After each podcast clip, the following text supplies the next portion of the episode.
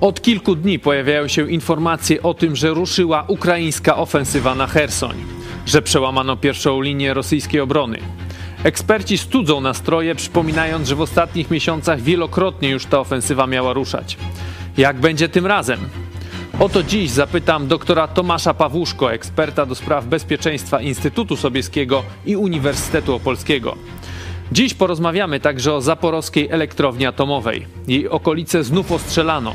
Do elektrowni ma dotrzeć misja Międzynarodowej Agencji Energii Atomowej, lecz Rosjanie ostrzeliwują drogi jej dojazdu. Jak to się skończy? To jest program Idź pod prąd na żywo. Tymoteusz Chojecki. Zapraszam.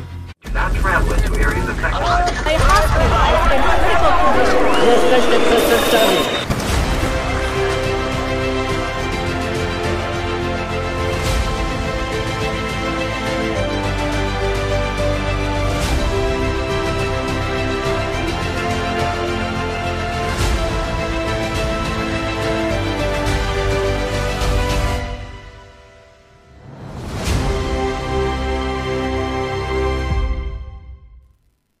Witam Państwa bardzo serdecznie. Z nami na łączach dr Tomasz Pawłuszku, ekspert do spraw bezpieczeństwa Instytutu Sobieskiego i Uniwersytet Opolski. Witam Pana doktora bardzo serdecznie. Dzień dobry Panie redaktorze, dzień dobry Państwu ogłoszeń. Na początek jest dzisiaj ostatni dzień sierpnia. Przypominam o wsparciu telewizji Idź Pod Prąd, o naszym comiesięcznym challenge'u, żeby tysiąc osób wsparło telewizję. Na teraz mamy 926 gitar, 926 osób wsparło naszą telewizję, czyli brakuje jeszcze 74 do 15 możecie wspierać nas tradycyjnym przelewem, a potem już do 12 w nocy Blik PayPal i dotpay tam szczegóły idź pod prąd.pl wsparcie, także zachęcam jeszcze raz do wsparcia, do promocji tego odcinka, do polubienia nas na YouTubie i subskrypcji naszego kanału. A my, panie doktorze, przechodzimy do tematu głównego, czyli tej kontrofensywy czy ofensywy ukraińskiej na, od poniedziałku. Słyszymy ten poniedziałek był taki najgłośniejszy, tak powiedzmy, bo wczoraj to już było takie trochę studzenie nastrojów na Hersoń. E, tutaj, tak jak mówiłem we wstępie, eksperci tonują nastroje. Marcin wyrwał z Onetu, to jest człowiek, który tam dosyć często na tej Ukrainie bywa, mówi, że to od, lipca to już jest piąty raz, jak on słyszy mm, o tej ofensywie. Drugi raz e, podję... z tego dwa razy podjęto jakieś działania. Tam przecież miał być jakiś kocioł taki ukraiński.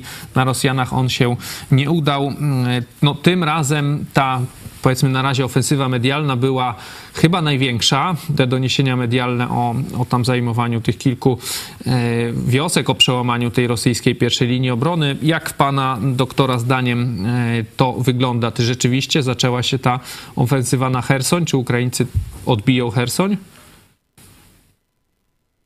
Myślę, że jest to realne, natomiast tak jak pan redaktor powiedział, e, było bardzo dużo wrzutek, e, zresztą z obu stron, bo to Rosjanie ogłaszają mobilizację, to przewożą sprzęt na Krym, to Ukraińcy mówią, że już mają rakiety, to już pokazują, że strzelają. E, wczoraj pokazali, że mają nowe pociski do samolotów. No i tak obie strony się straszą. Zaczęły się też działania dywersyjne na Krymie, pokazano panikę Rosjan. Także trwa wojna psychologiczna, bo ona jest dużo mniej kosztowna dla obu stron. E, a w sytuacji, kiedy nie toczą się realne negocjacje, tak naprawdę no, jest ta równowaga strachu. Tak? Kto uderzy pierwszy? Ukraińcy mają, tak myślę, wojskowi ukraińscy na pewno mają świadomość, że dużo łatwiej jest się bronić niż atakować, bo atakujący wiemy, gdzie zaatakuje, wiemy, co zrobi, wiemy, jaką ma broń i tak dalej. My jesteśmy u siebie. E, I też atakujący ponosi większe straty. E, więc jeśli wyczerpały się Rosjanom możliwości ataku, a Ukraińcy doskonale wiedzą, że atakowanie jest bardzo ryzykowne, bo nadal tą broń Rosjanie mają i są okopani, ufortyfikowani, to nie jest tak, że po tygodniu Hersoń zostanie zdobyty. E, to nie jest ten bliski, który był na początku. Także ja bym się wstrzymał przed takimi ocenami, że jest to ofensywa, chociaż e, w odróżnieniu od wcześniejszych informacji. Rzeczywiście strona rządowa ukraińska powiedziała, że nie będzie informować w tym momencie, co jest takim znakiem, że rzeczywiście może działania się toczą bo nie mówi się o nich w mediach, więc wtedy rzeczywiście może coś się dziać. Bo wtedy, żeby nie zdradzać pozycji wojsk ukraińskich, nie chwali się, co zostało zdobyte. Tak więc może rzeczywiście jakieś działania e, się toczą i zostaną e, podane informacje dopiero jak będzie jakiś realny efekt. No bo proszę sobie wyobrazić, że e, Ukraińcy przeprowadzają ofensywę i przegrywają, bo muszą się wycofać. No to wszyscy się będą śmiali, Europejczycy będą powątpiewać, Rosjanie będą triumfować, ludność straci morale i tak dalej.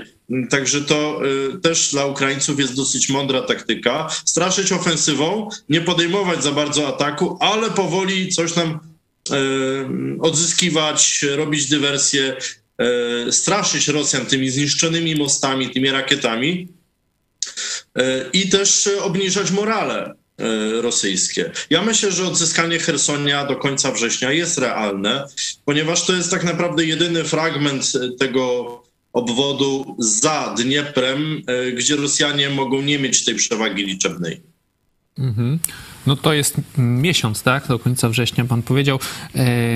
Tutaj tak jak powiedział, pan powiedział, te, te, oficjalne czynniki ukraińskie nie mówią dużo, ale no prezydent Zełenski powiedział na przykład, że jeśli rosyjscy wojskowi, wojskowi chcą przeżyć, pora by uciekali. No, jakieś dosięsienia tam były podobno. Ten pułk z Donieckiej Republiki Ludowej musiał się wycofać. Tam było podawane chyba cztery jakieś wioski odbite e, przez Rosjan, no one wcześniej zostały z kolei zajęte przez Rosjan.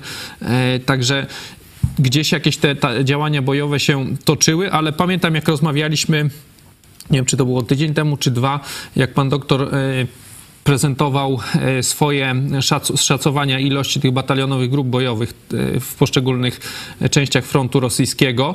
Ja też dzisiaj chyba widziałem tweeta Jarosława Wolskiego, no on wskazuje właśnie na dosyć porównywalne siły na razie zaangażowane w, w te walki na północ od Hersonia. Mówi, że Rosjan tam jest około, on mówi na 30 tych batalionowych grup bojowych, no a Ukraina ma tam na razie zaangażowane cztery brygady, no to to przelicza mniej więcej na 20 batalionów, czy nawet trochę mniej, no to przy takiej dysproporcji czy, czy równowadze powiedzmy, no ta ofensywa nie powinna się udać, chyba że Ukraińcy za, za, zaangażują tam jakieś swoje większe rezerwy.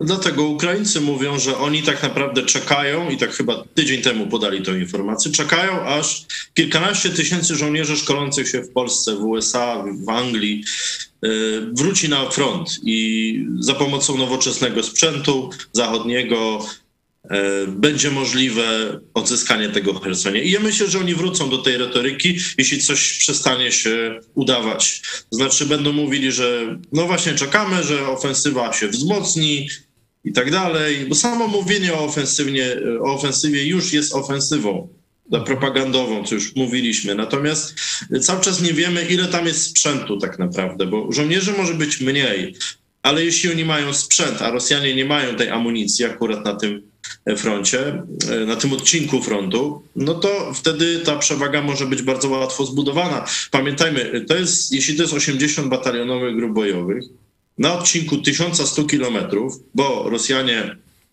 też podchodzą znowu pod Charków, pod, y, ostrzeliwują Sumy, próbują odwrócić uwagę, pokazać, że Ukraińcy nie kontrolują niczego, bo y, tak naprawdę można ich zaatakować z każdej strony.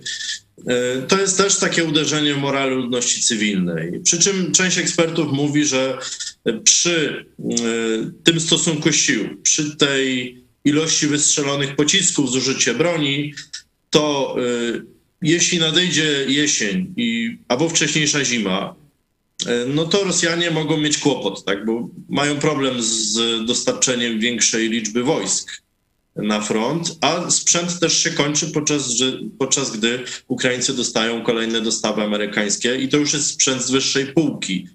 Tak jak te Himarsy, prawda, które były w stanie dosłownie w kilka tygodni zatrzymać tą ofensywę rosyjską, tak? niszcząc e, pociskami naprowadzanymi e, konkretne punkty dowodzenia, magazyny broni,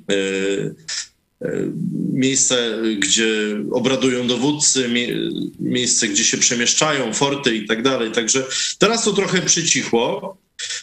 Znalazłem informację, że Ukraińcy zbudowali atrapy mm, pojazdów HIMARS, E, po to, żeby Rosjanie no, strzelali do O, tu widzę, Państwo pokazują to, że Rosjanie marnują te pociski, bo myślą, że zniszczyli te wyrzutnie. I to jest też dobry ruch ze strony Ukraińców, tak, że nie możecie nas złapać. I to też wymusza e, na stronie ukraińskiej bardzo precyzyjne uderzenia niewielką ilością sił.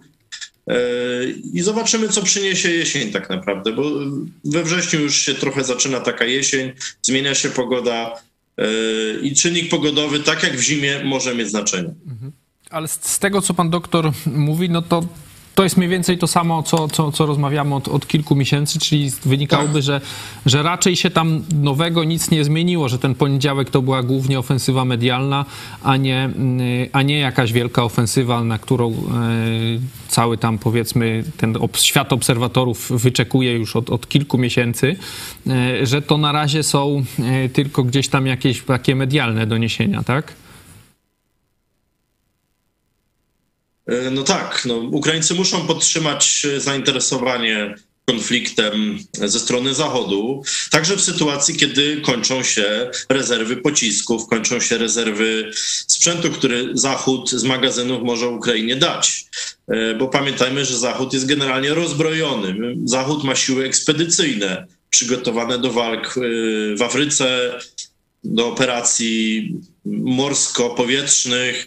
Zachód przez ostatnie dekady nie rozwijał piechoty, wojsk lądowych, raczej skupiając się na specjalizacji. Tak? Jeśli Niemcy mają 200 ileś czołgów, czy Francuzi, Włosi podobnie, a resztę mają w magazynie lub po prostu rozprzedali po biedniejszych krajach, e, to nagle się okazuje, że podczas wojny Ukraińcy niszczą mm, około 2000 czołgów, nie wiemy dokładnie ile.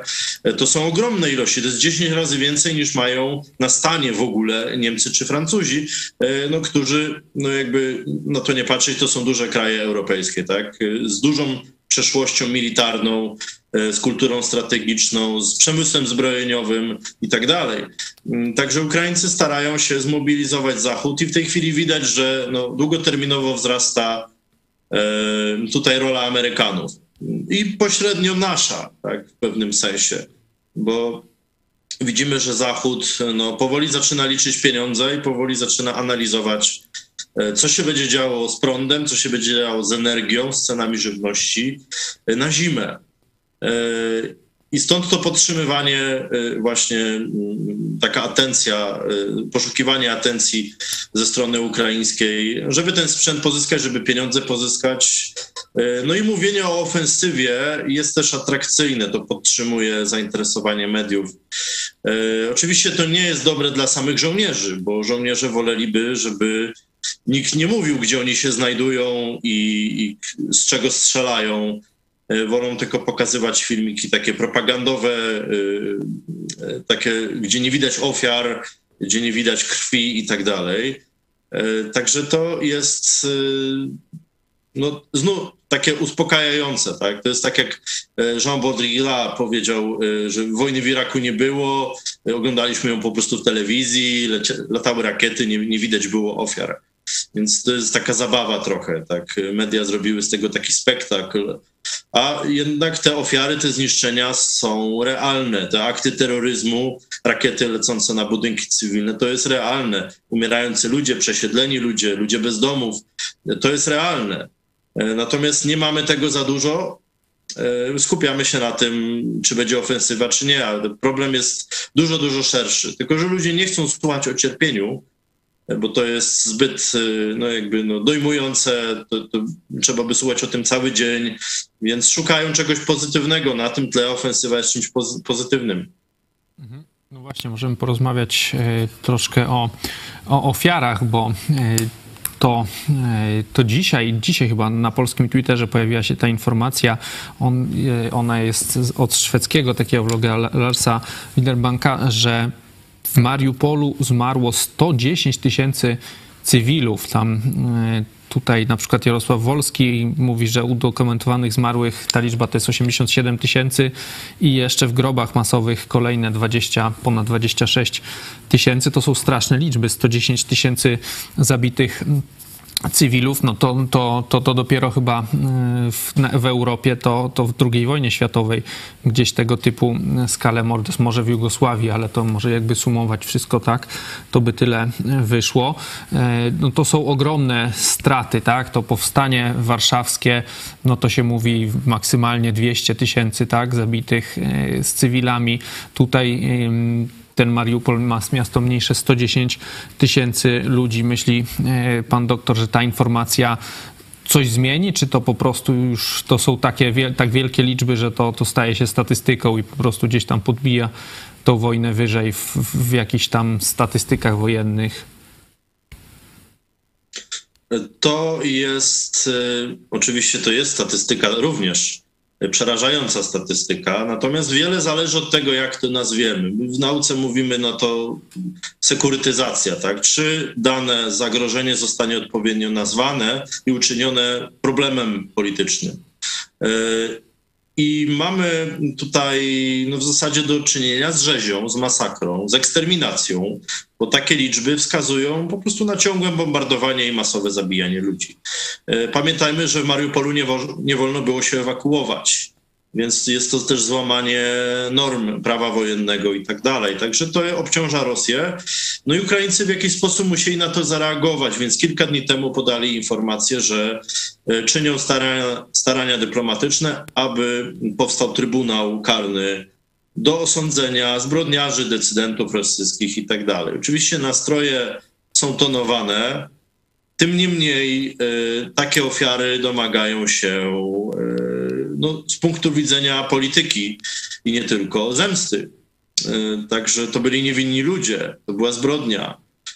Oni przecież nie walczyli z Rosjanami, oni po prostu zostali zbombardowani. I, i no, jaka to jest walka, prawda? Niemcy też jakoś specjalnie nie walczyli z powstańcami, tylko ich zbombardowali i wyrżnęli. No, taka jest prawda. Inna sprawa, czy decyzja o, o, walce y, z takim przeciwnikiem była racjonalna z punktu widzenia powstańców warszawskich, kiedy nie można było ochronić ludności cywilnej. cywilnej. Także z punktu widzenia wojskowego, także nasze, nasze powstanie było głupotą. Mhm. I tu z generałem Andersem się w zupełności zgadzam, że dowódców powstania zdecydowanie pod sąd i wstyd po prostu najbardziej przegrana bitwa w XX wieku. W zasadzie trudno nazwać to bitwą, to była rzeź. Tymczasem e, w Mariupolu e, było po prostu regularne ostrzeliwanie budynków. E, wojsko się wycofało do Azowstalu, a reszta ludności została albo już zabita, albo, no cóż, no, przykryta gruzami. Także, także to jest tragedia XXI wieku, chyba największa w Europie w tym momencie. I cóż, no ktoś musi ponieść za to odpowiedzialność. Ja wiem, że to jest Europa Wschodnia i że my jesteśmy nauczeni od setek lat, że nikt nie ponosi odpowiedzialności i że tylko jakieś ewentualnie zabójstwo może pomóc, e, ale e, no na pewno temat ten nie zostanie e, zakopany. On będzie przez cały XXI wiek obecny. Te zdjęcia, które Państwo teraz pokazują, tak? To jest, to jest tragedia. One będą pokazywane. Pytanie, czy Mariupol będzie odbudowany, bo na rosyjskich portalach zobaczycie Państwo informacje o tym, że e, Rosjanie mają przepiękne plany odbudowy Mariupola. Zmienią tam nazwę i tak dalej. Natomiast te zdjęcia to jest, tak jak Państwo pokazali, jak zdjęcia z Warszawy z 44, 5 roku. E, I to się samo nie zrobiło. To nie jest, że, że bomba sobie przeleciała obok. Nie, to jest ewidentnie widzimy na zdjęcia efekt celowego ostrzału, bombardowania dywanowego, um, użycia moździerzy um, i tak dalej, sprzętu burzącego, um, pocisków burzących e, i tak dalej, i tak dalej. Także to jest wszystko, co najgorsze, co mogliśmy w XX wieku obserwować. Rosjanie zaserwowali ludności cywilnej w Mariupolu. Tragedia. Mhm. Powiedział pan doktor, że to jest wschód, tak? Ja tak sobie pomyślałem e, też o, o takich, tak, o tych masakrach w, no nie wiem, za naszego życia to chyba właśnie w Jugosławii takie najgłośniejsze, w, Europie mówię. E, przyszło mi do głowy, sprawdziłem sobie Srebrenica.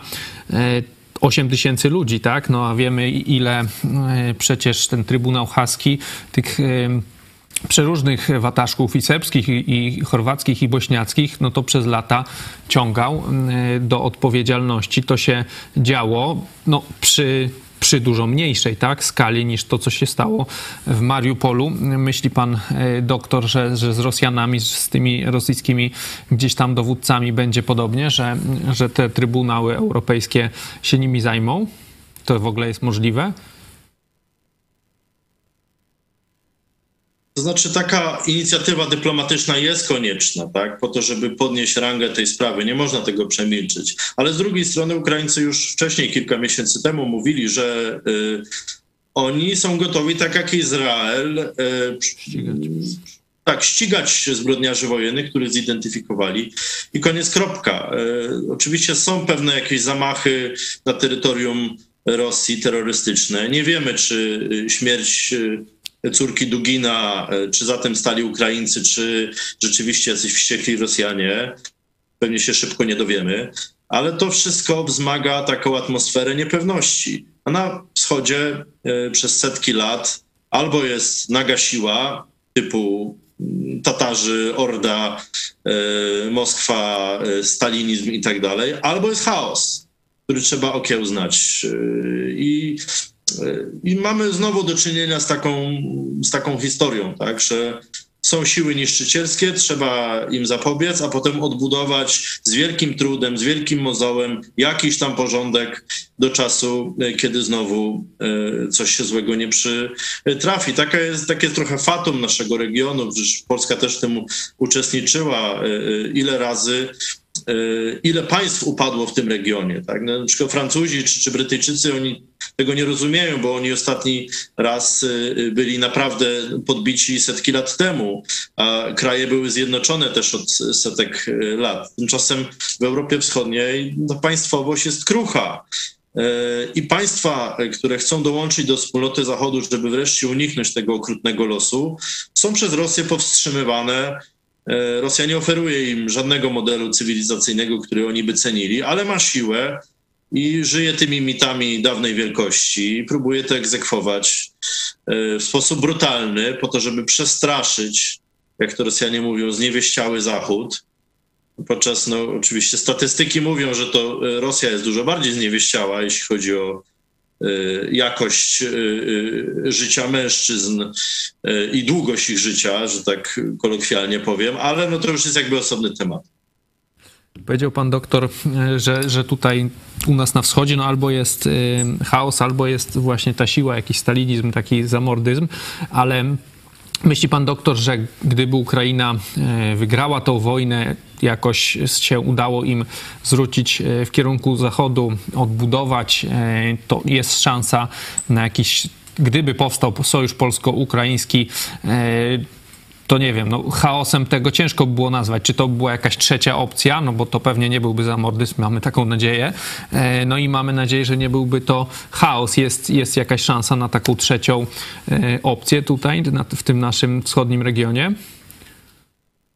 No cóż, wydaje mi się, że no to, jest, to jest problem, to jest złożony problem, bo Polska to też, polska kultura polityczna też jest anarchiczna. Widzimy to na co dzień. Ta szlachecczyzna, to gadanie o honorze, udawanie patriotów i tak dalej, to, to jest na co dzień w Polsce. W ukraińskim parlamencie jest podobnie. Więc y, oprócz tego jest mnóstwo różnic symbolicznych, dużo sporów z przeszłości. Także zaraz pojawią się politycy, którzy pomocą Moskwy, ale albo i bez, y, zaczną y, to y, podkreślać, te różnice między państwami, więc ja bym nie wierzył tu w jakąś konfederację, tego typu rzeczy. No, ja bym raczej stawiał rzeczywiście na proces akcesyjny do Unii Europejskiej, bo wszyscy w tym mają interes. Tak naprawdę nawet Rosja ma w tym interes, biznesowy oczywiście, nie cywilizacyjny, ale jest to interes dla też Niemiec, Francji, dla inwestorów, dla Amerykanów, dla NATO, żeby po prostu ta sfera bezpieczeństwa, gdzie konflikty nie wybuchają, przesunęła się jeszcze nad Morze Czarne, gdzie NATO przewagi nie ma. Y, I to jest y, z punktu widzenia Zachodu dobra strategia, dlatego Zachód będzie wspierał Ukrainę tak jak wspierał Polskę w latach 90., po to, żeby uniknąć kolejnego obszaru chaosu. Tylko jest jeden problem. Jeśli Ukraina wygra, to będzie chaos w Rosji.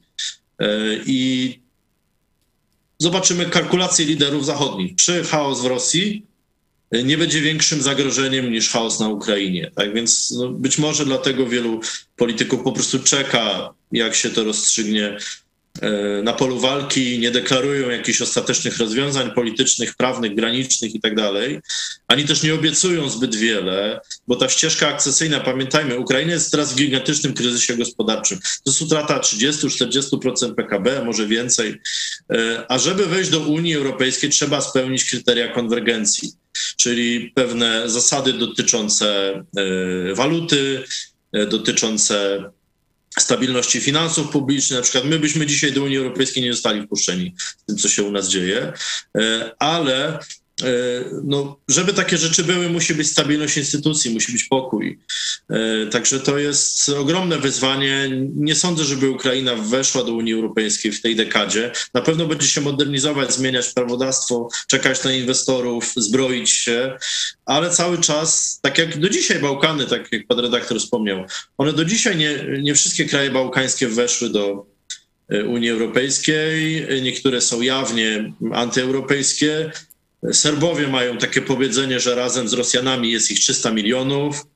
E, także cały czas ten resentyment, te problemy tożsamościowe, splecione też z sytuacją ekonomiczną, no one cały czas są. Ludzie pamiętają tragedie, które się wydarzyły. E, z perspektywy europejskiej rozwiązanie kryzysu na Ukrainie to jest takie mm, wreszcie uspokojenie sumienia. Także Europejczycy ruszą tą dyplomację prędzej czy później.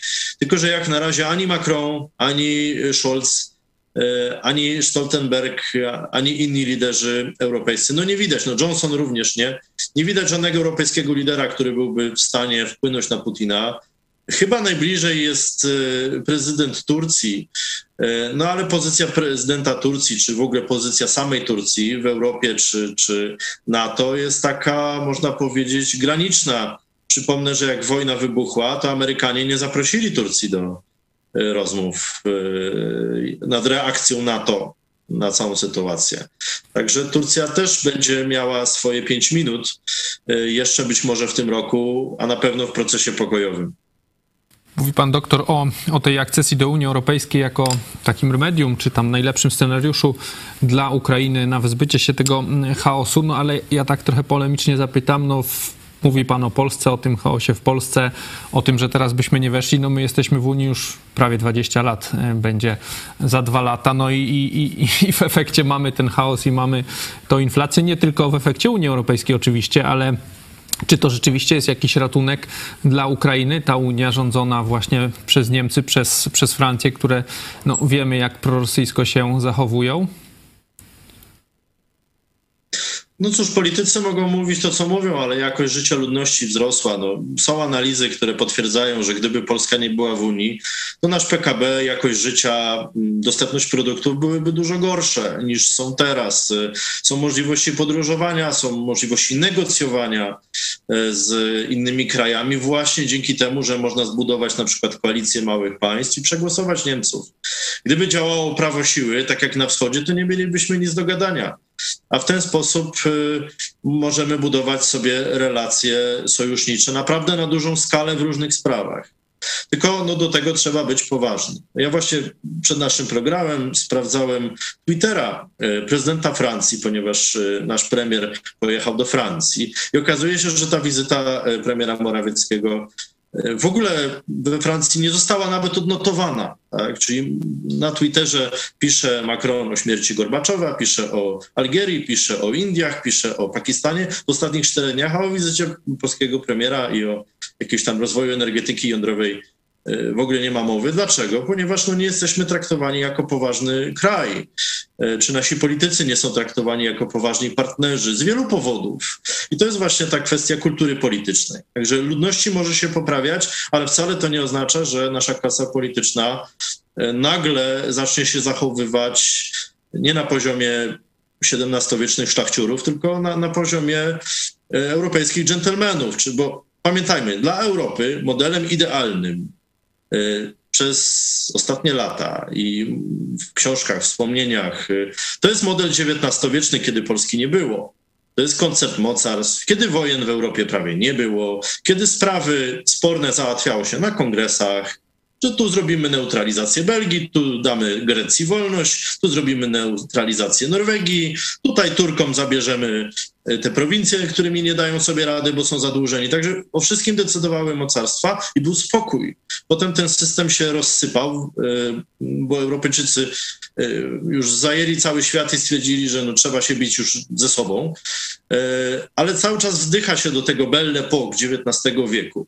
I nagle, no, jeśli Europa Wschodnia wchodzi do Unii Europejskiej z tymi swoimi chaosami, konfliktami, sporami granicznymi, tym takim tumiwisizmem, i, i takim, taką megalomanią dosyć zabawną, e, to Europejczycy o czym myślą? Myślą z powrotem, żeby fajnie by było, gdyby był znowu XIX wiek, byłby porządek. Tak?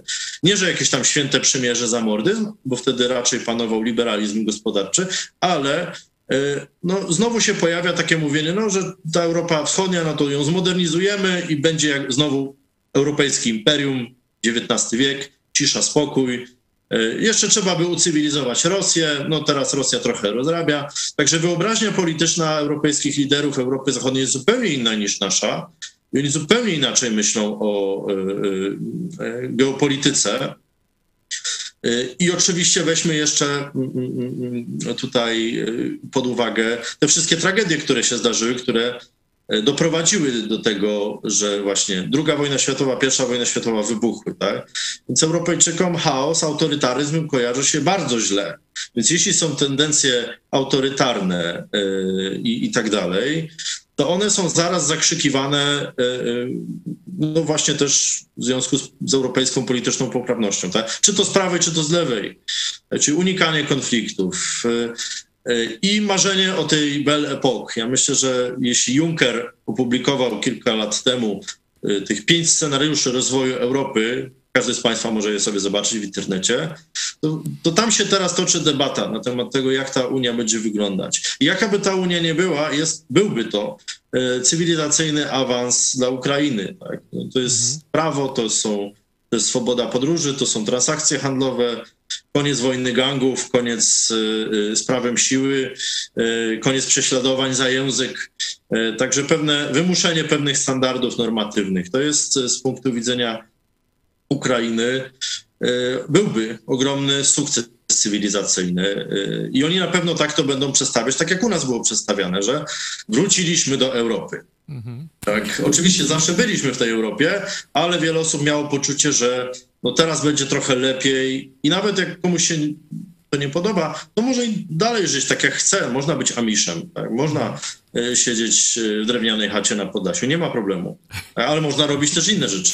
Panie doktorze, ale za, no, po tym, no bo mówi pan o tym scenariuszu XIX-wiecznym, to dla Polski, dla Ukrainy jest no, słaby scenariusz, bo tam wtedy ani Polski, ani Ukrainy niepodległej nie było, ale patrząc na sympatię teraz ukraińskich polityków, na te sojusze, o których też pan doktor mówi, no to, to, to raczej Ukraińcy, no to sojusz jest Stany Zjednoczone, Wielka Brytania, głównie, no i trochę Polska, nie? Z takich tych trzech największych, myślę, ich, tak jak patrzy się na, na, na, ich przychylność, no Stany Zjednoczone, Wielka Brytania to teraz nie są kraje Unii Europejskiej, Ten, te sympatie e, unijne w, w, na Ukrainie, czyli Niemcy, Francja, raczej są dosyć e, niewielkie, tak? Te, te, te mm, ten nastawienie do tych krajów jest dosyć oziębłe.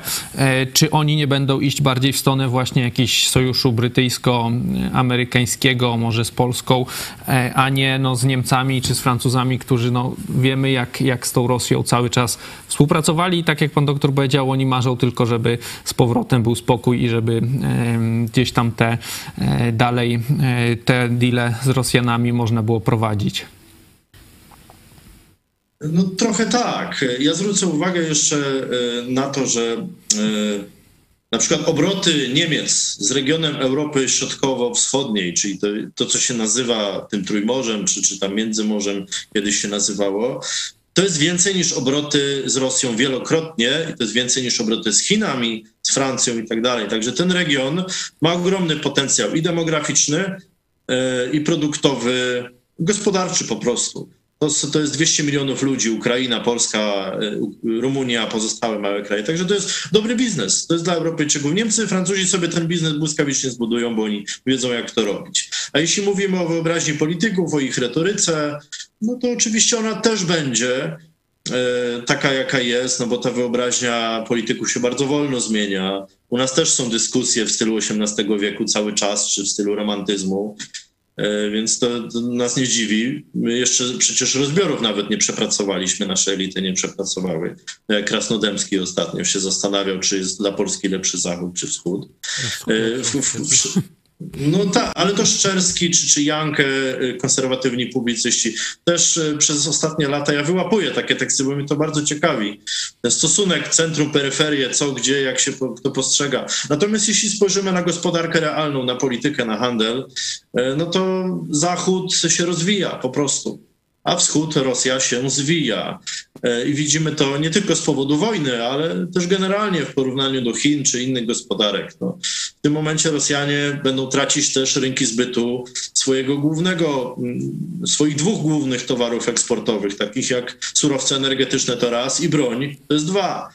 Także ta gospodarcza pozycja Rosji będzie spadać i to też jest sygnał dla Ukrainy, że ten model po prostu nie działa. A co do sojuszów, y, myślę, że Ukraińcy wzorują się trochę na nas.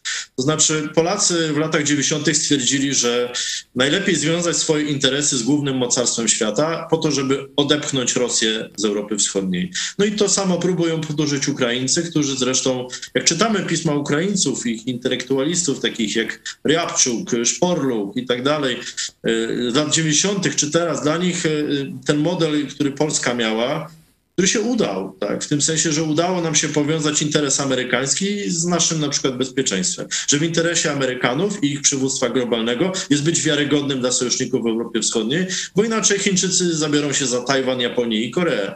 E, także to jest e, też test wiarygodności dla Amerykanów. Jeśli Ukraińcom się udało związać Amerykanów ze swoją sprawą przeciwko Rosjanom, e, no to z punktu widzenia mm, mm, tego, co mówił Biden, że on nie pozwolimy Ukrainie przegrać, to brzmi wiarygodnie i to jest też test wiarygodności e, demokratów, Bidena osobiście, także dla Ukraińców jest to bardzo dobry wybór i oni widzą, że to się sprawdza.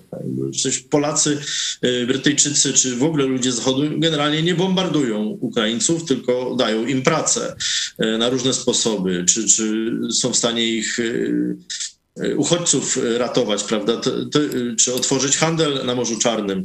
Także same korzyści oczywiście zawsze się pojawią E, konserwatyści, którzy powiedzą, że są zagrożone tradycyjne ukraińskie prawosławne wartości, albo że Ukraina to jest tradycja scytów i sarmatów i że trzeba o to zadbać najpierw, a nie e, o e, właśnie tutaj jakieś postmodernistyczne wieże Eiffla. Także jest to, ta, ta dyskusja się będzie toczyć podobnie jak u nas. Ja tak uważam, że mniej więcej Ukraińcy są około 20 lat za nami, tak gdzieś pod koniec lat 90 dla nich teraz ten wybór cywilizacyjny stał się bardzo jasny po prostu. Rosja się zwija, Europa się rozwija, mimo wszystko. E, I Ukraińcy nie chcą zostać w przedpokoju nigdzie. Mhm. Panie doktorze, chciałbym chwilę teraz porozmawiać o takim cwaniactwie teraz e, tego wojska ukraińskiego, nie młodzież teraz mówi trolling taki, naprawdę takim e, inteligentnej ich postawi, e, postawie, gdzie, gdzie naprawdę można się tym, na tym wzorować. Powiedział pan o tych atrapach, to jest, zdaje się, że tą informację podało najpierw Amerykanie, że to nawet nie Ukraińcy, tylko podali Amerykanie, że Ukraińcy właśnie tworzą te atrapy tych wyrzutni HIMARS, no i przez to Rosjanie muszą, znaczy strzelają, marnują te drogocenne dosyć których nie, nie, nie aż tak dużo mają rakiety precyzyjne. Też wcześniej słyszałem podobne, e, podobne wskazujące na taką wręcz e, szachową, e, szachową strategię działanie z, z tymi Himarsami, że na początku Amerykanie dostarczyli Himarsy, zaczęli ostrzeliwać tymi rakietami te magazyny z amunicją. Te Himarsy można zestrzeliwać, no to Rosjanie musieli zwiększyć e, ilość i, i, zasięg e, tych systemów radarowych, żeby wykrywać, e, że te rakiety nadlatują, żeby móc je zestrzeliwać. No to teraz właśnie Zachód dał te nowe pociski do samolotów, one HARM chyba tak się nazywają.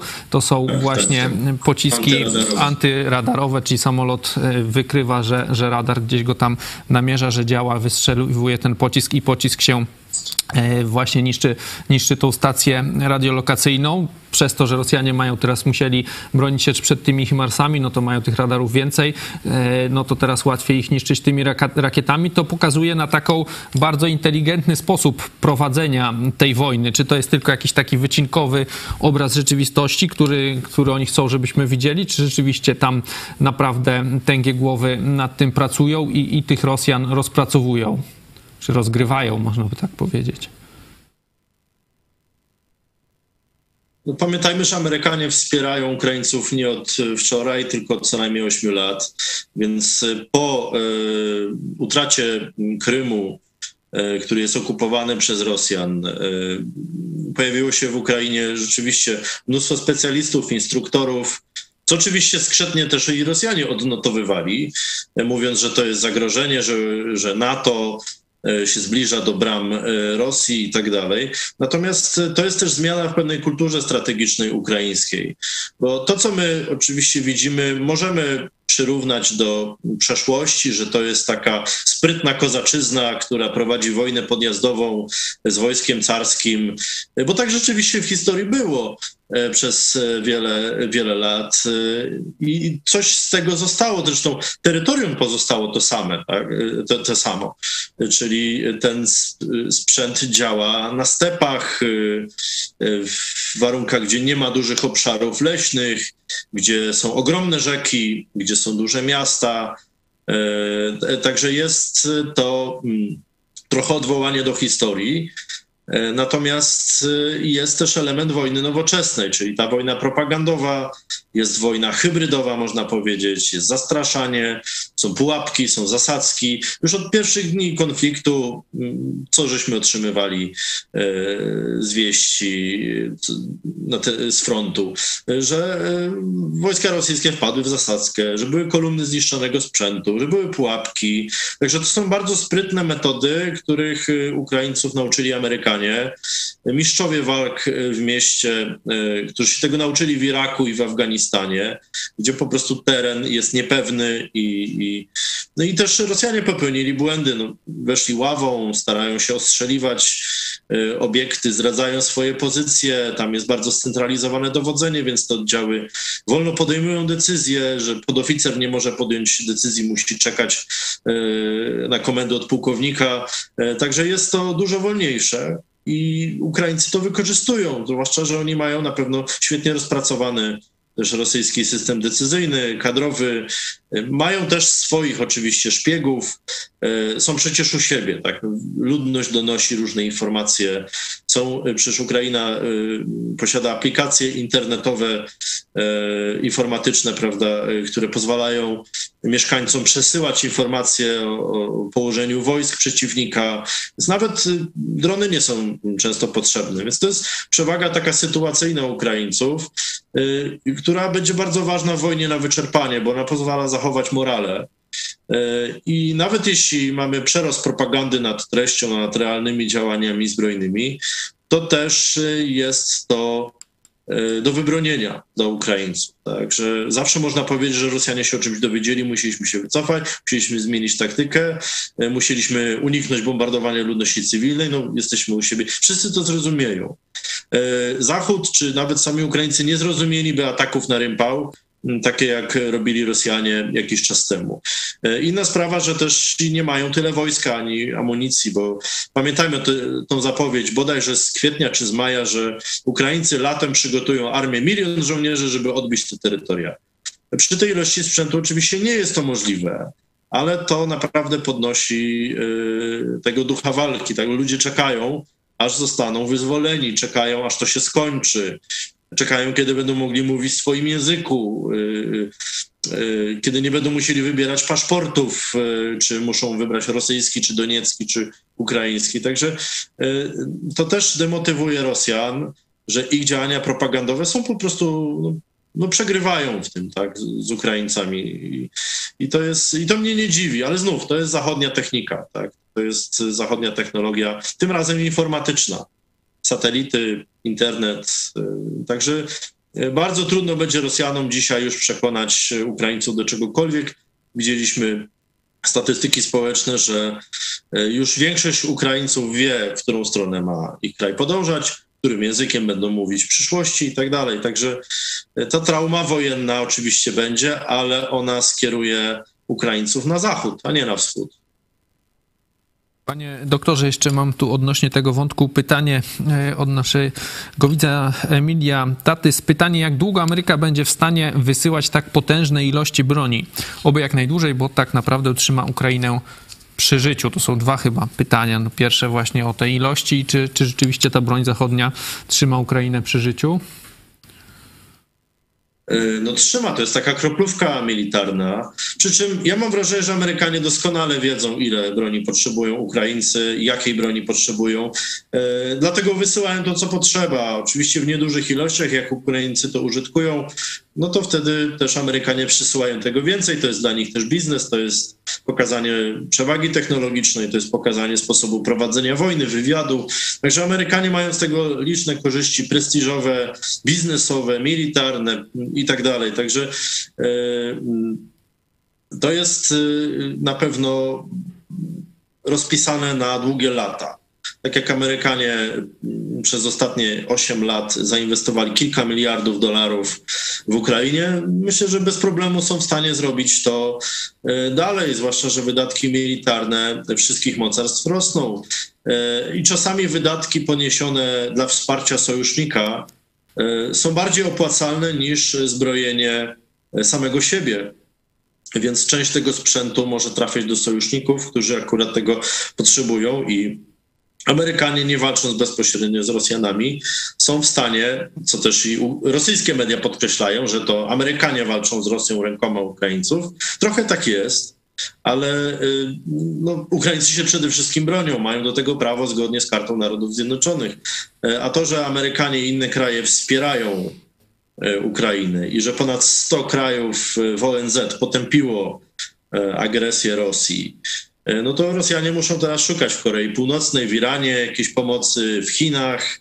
Teraz Chińczycy podkręcili trochę retorykę antytajwańską, ogłosili nową strategię E, bezpieczeństwa, w której e, nie wykluczają użycia siły wobec Tajwanu, więc jest próba e, przeniesienia trochę tych środków, tego, tego sporu globalnego też do Azji. No i znów to, to, to nie świadczy o tym, że Rosja ma przewagę, to nie świadczy o tym, że Ukraina się myli. No, wydaje mi się, że to jest, to świadczy o tym, że wybór cywilizacyjny Ukrainy na ten moment jest słuszny. Panie doktorze, porozmawiajmy jeszcze e, trochę na koniec o tym, co też dość mocno elektryzuje tutaj zachodnią czy polską e, publikę, czyli ta elektrownia e, atomowa zaporowska.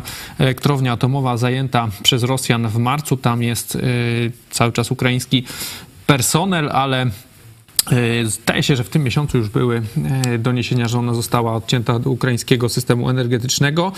E, do Polski gdzieś jakieś docie, zanieczyszczenia docierają, nie wiadomo czy radioaktywne raczej jeszcze nie, no ale na przykład tutaj na wschodzie mieliśmy już alerty RCB, żeby na przykład zostać w domu, żeby nie wychodzić. Tutaj Białystok, te, te rejony miały podniesione wskaźniki zanieczyszczenia. Elektrownia ten Energodar e, został, e, to miasto zostało ostrzelane w tym tygodniu, nie sama elektrownia. Dzisiaj też TVN24 podaje, że też już e, w Energodarze był, był ostrzał, że zniszczono innymi budynek Rady Miasta. Tam zmierza delegacja tej Międzynarodowej Agencji Energii Atomowej, tam na jej czele ma być jej e, szef, e, Rafael Grossim. E, Rosjanie ostrzeliwują drogi dotarcia ze strony ukraińskiej. Mówi się, że chcą, żeby tak symbolicznie ta, ta delegacja przyjechała od strony albo Krymu, albo Doniecka, od strony zajętej przez Rosję. Jak jak pan może opisać tą sytuację w elektrowni atomowej? Czy to jest też jakiś kolejny szantaż? Jak tam ta sytuacja się teraz e, rozwija? Czy rzeczywiście jest szansa na jakiś wybuch nuklearny, na jakieś skażenie tutaj Europy, Ukrainy?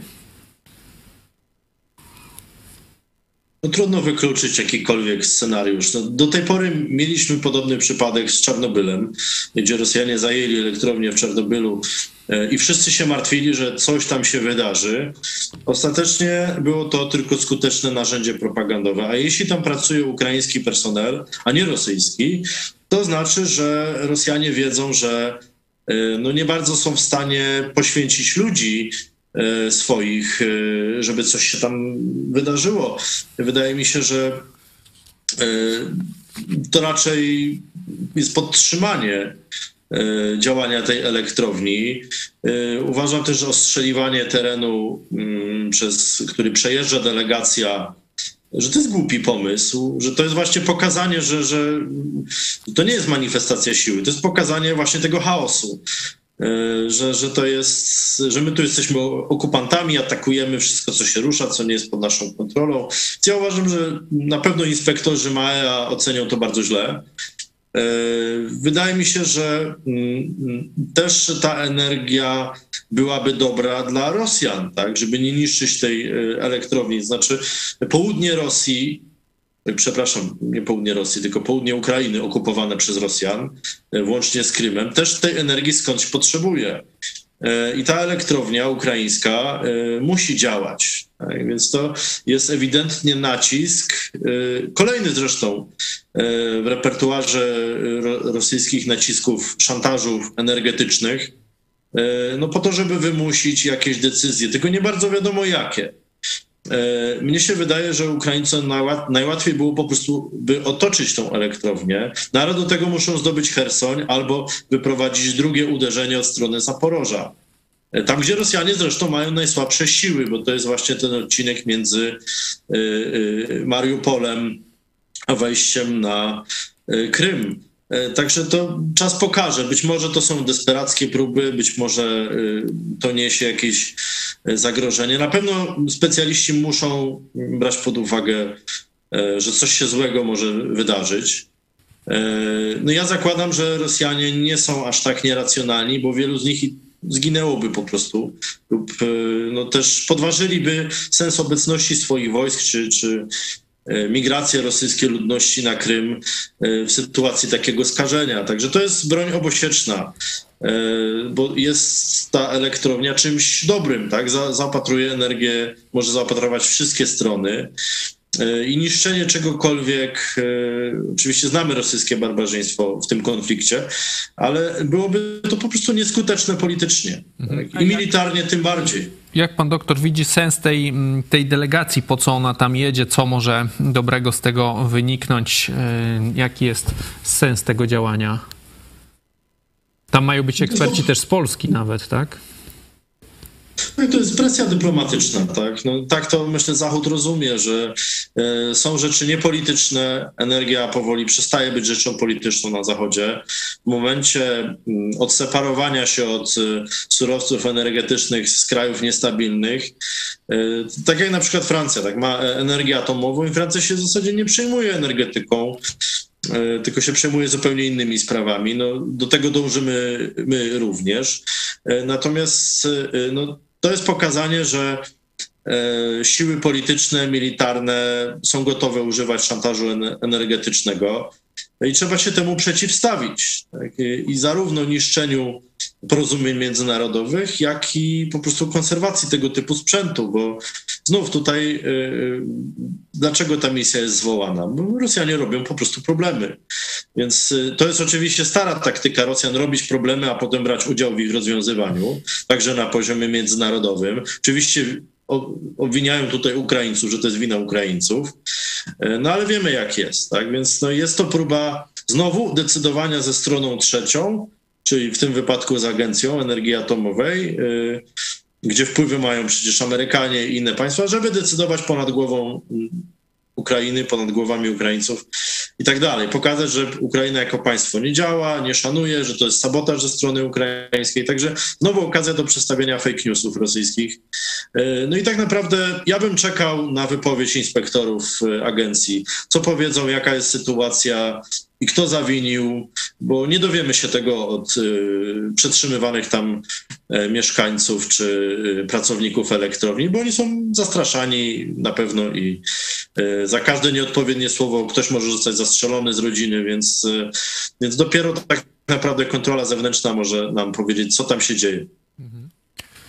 Że, że, Polska dąży tak do tej energii atomowej, to tak trochę na wyrost pan doktor powiedział. To tak, tak jak ten CPK tam się tworzy. Ale tak, ale to jest ważny temat, bo Nie, no, oczywiście. dlaczego Morawiecki pojechał do Francji? Dlatego, że e, no, Polska zazdrości Francji tej suwerenności energetycznej, bo tak jak mówiliśmy, polskie elity jeszcze nie przepracowały XVIII wieku i jeszcze są gdzieś tam w połowie XVIII wieku e, i wierzą w suwerenność taką mniej więcej XVII-XVIII wiek, absolutyzm oświecony, tego typu czasy.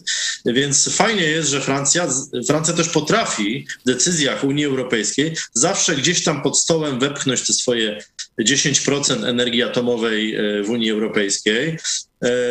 E, I też no, polskie władze prowadzą taką politykę, że kupimy od Amerykanów czołgi, to może nam pozwolą przejąć TVN. Damy Francuzom e, opcję budowania energii atomowej, no to może nam pomogą odzyskać pieniądze z KPO.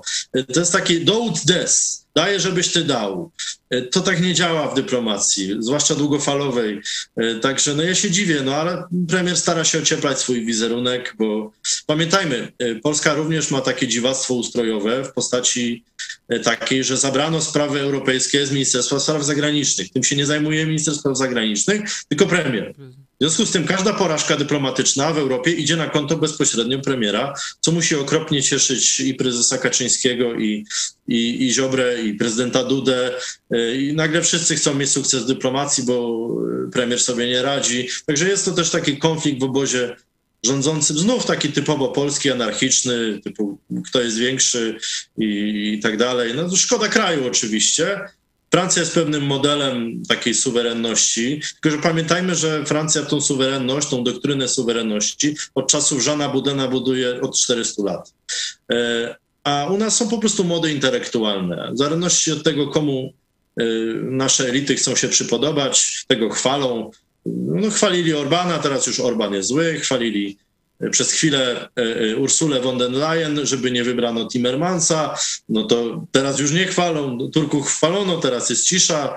E, także no, u nas jest to wszystko zbyt emocjonalnie, za mało strategiczne. Szkoda oczywiście. No, ja wiem, że to chyba redaktor Kłosowicz mówił, że program nasz o godzinie 13 to może mieć elementy satyry, i chyba do tego momentu właśnie doszliśmy.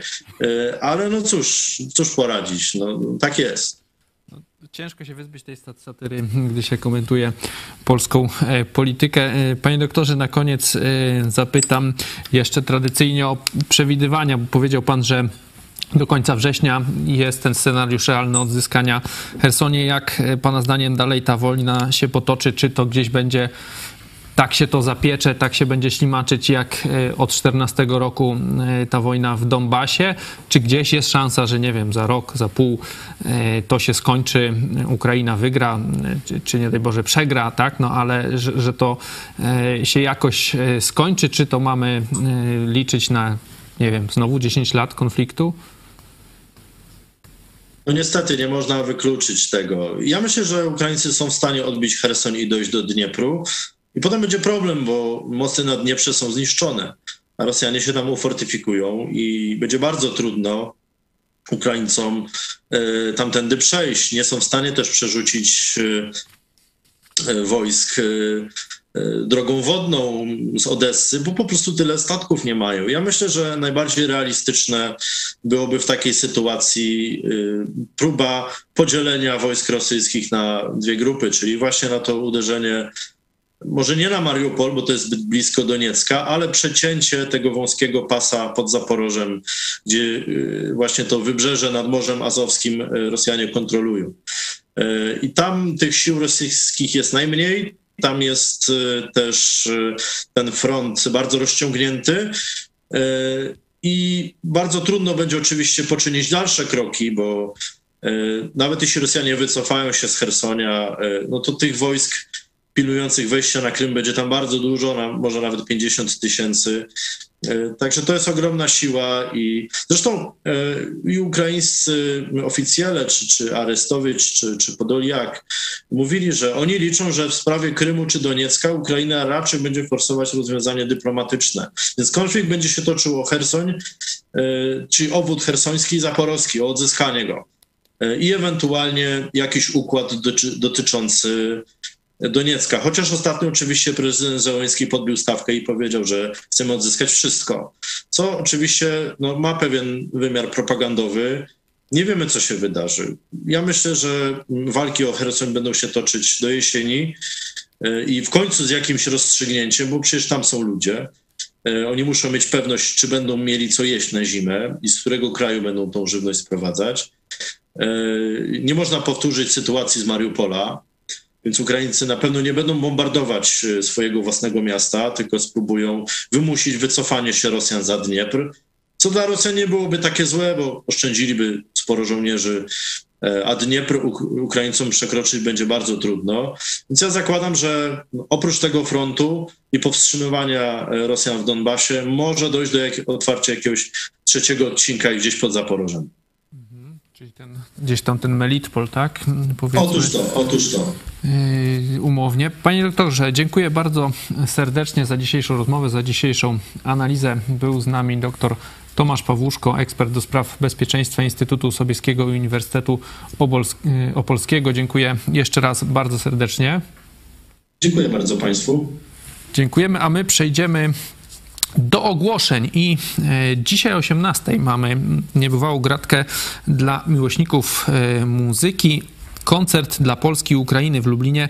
Kultowy zespół Celebrant Singers. Zaproszę Państwa teraz na krótki zwiastun tego, co zobaczycie o 18.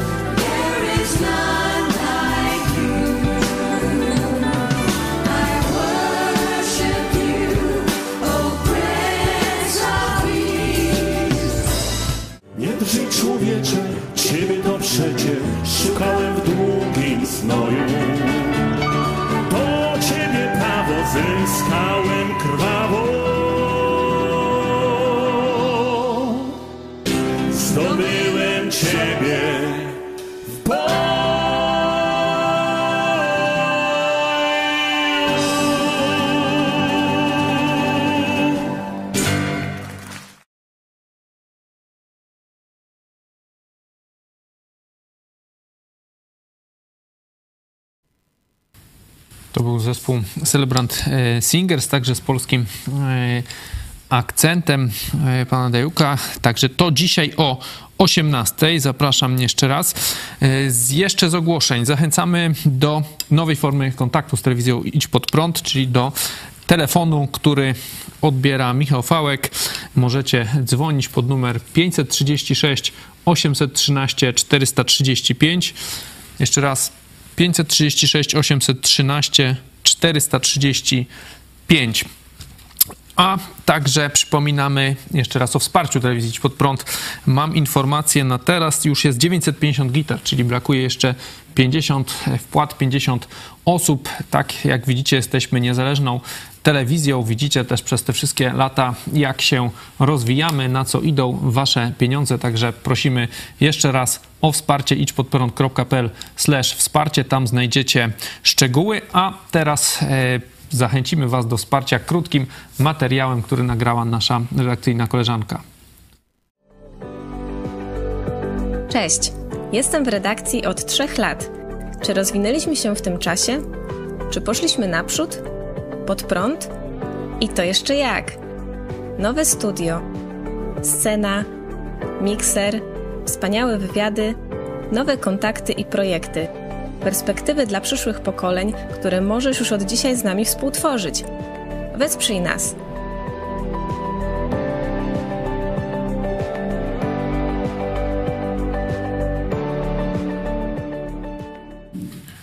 Dziękuję za ten materiał. Ja się będę już z Państwem żegnał. A co po programie? Jeszcze nie, e, się nie będziemy rozłączać. Po programie Pomyśl dziś pastora Chojeckiego Jak pokonać diabła, czyli moc skarpet Jana Pawła II. Bardzo tajemniczy tytuł.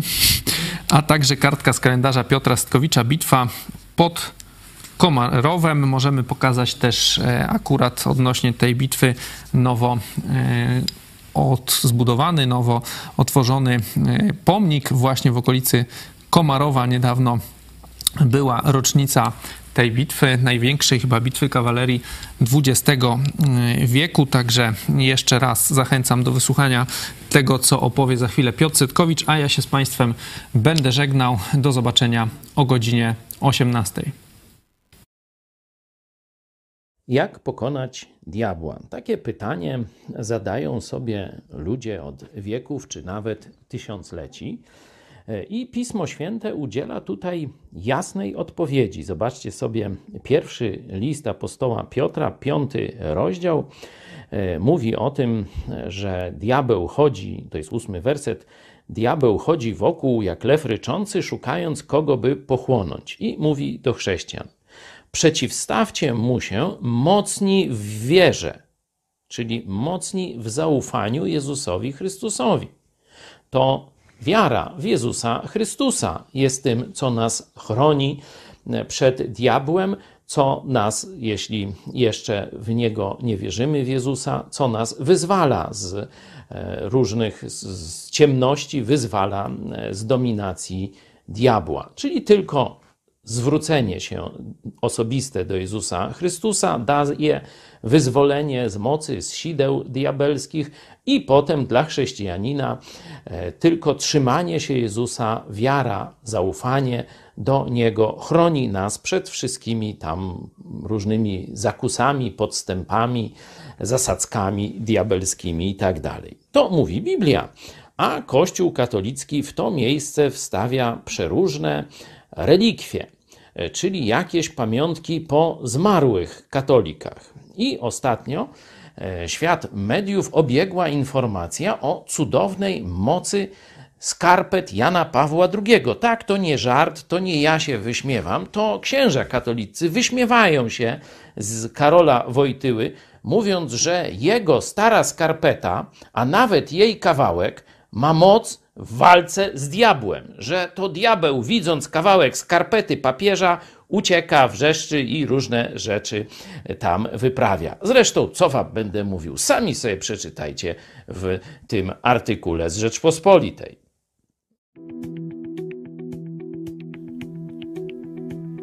31 sierpnia 1920 roku pod Komarowem doszło do bitwy pomiędzy sowiecką armią konną dowodzoną przez Siemiona Budionnego a polską pierwszą dywizją jazdy pod dowództwem pułkownika Juliusza Rumla. Budionny otrzymał rozkaz wsparcia wojsk Tuchaczewskiego i z dużym opóźnieniem próbował go wykonać. W czerwcu 1920 roku, gdy jego armia rozpoczynała walkę z Polakami, liczyła ponad 30 tysięcy żołnierzy. Pod koniec sierpnia, po nieudanej próbie zdobycia Lwowa, zostało ich już tylko około 7 tysięcy. Sowieci zostali zatrzymani pod Zamościem bronionym przez 31 Pułk Piechoty Mikołaja Bołtucia i 6 Dywizję Strzelców Siczowych pułkownika Marka Bezruczki. To umożliwiło innym polskim oddziałom doścignięcie armii konnej i otoczenie jej. Budionny, widząc swoje położenie, próbował przebić się na odcinku bronionym przez pierwszą dywizję jazdy, liczącą około 1500 żołnierzy. Armia konna liczyła jeszcze wtedy około 6000 ludzi. Po trwającej przez cały dzień walce polscy kawalerzyści pobili liczniejszego przeciwnika. Była to największa bitwa kawaleryjska, do jakiej doszło w XX wieku. Po polskiej stronie zginęło bądź zostało rannych około 300 żołnierzy. Sowieci swoich swoich strat nie ujawnili. Polacy oceniali je na około 4000 ludzi. Resztki armii konnej przedostały się przez pozycję źle dowodzonej przez pułkownika Michała Rolej Rzymierskiego II Dywizji Piechoty Regionów, ale nie stanowiły już zagrożenia dla wojska polskiego. W bitwie tej uczestniczyli oficerowie, którzy podczas II wojny światowej z różnych powodów stali się sławni, innymi kapitan Stanisław Maczek, rotmistrz Tadeusz Komorowski i pułkownik Juliusz Rumel, a po stronie sowieckiej Kliment Woroszyłow, Iwan Tiuleniew i Siemion Timoszenko. Порошенко.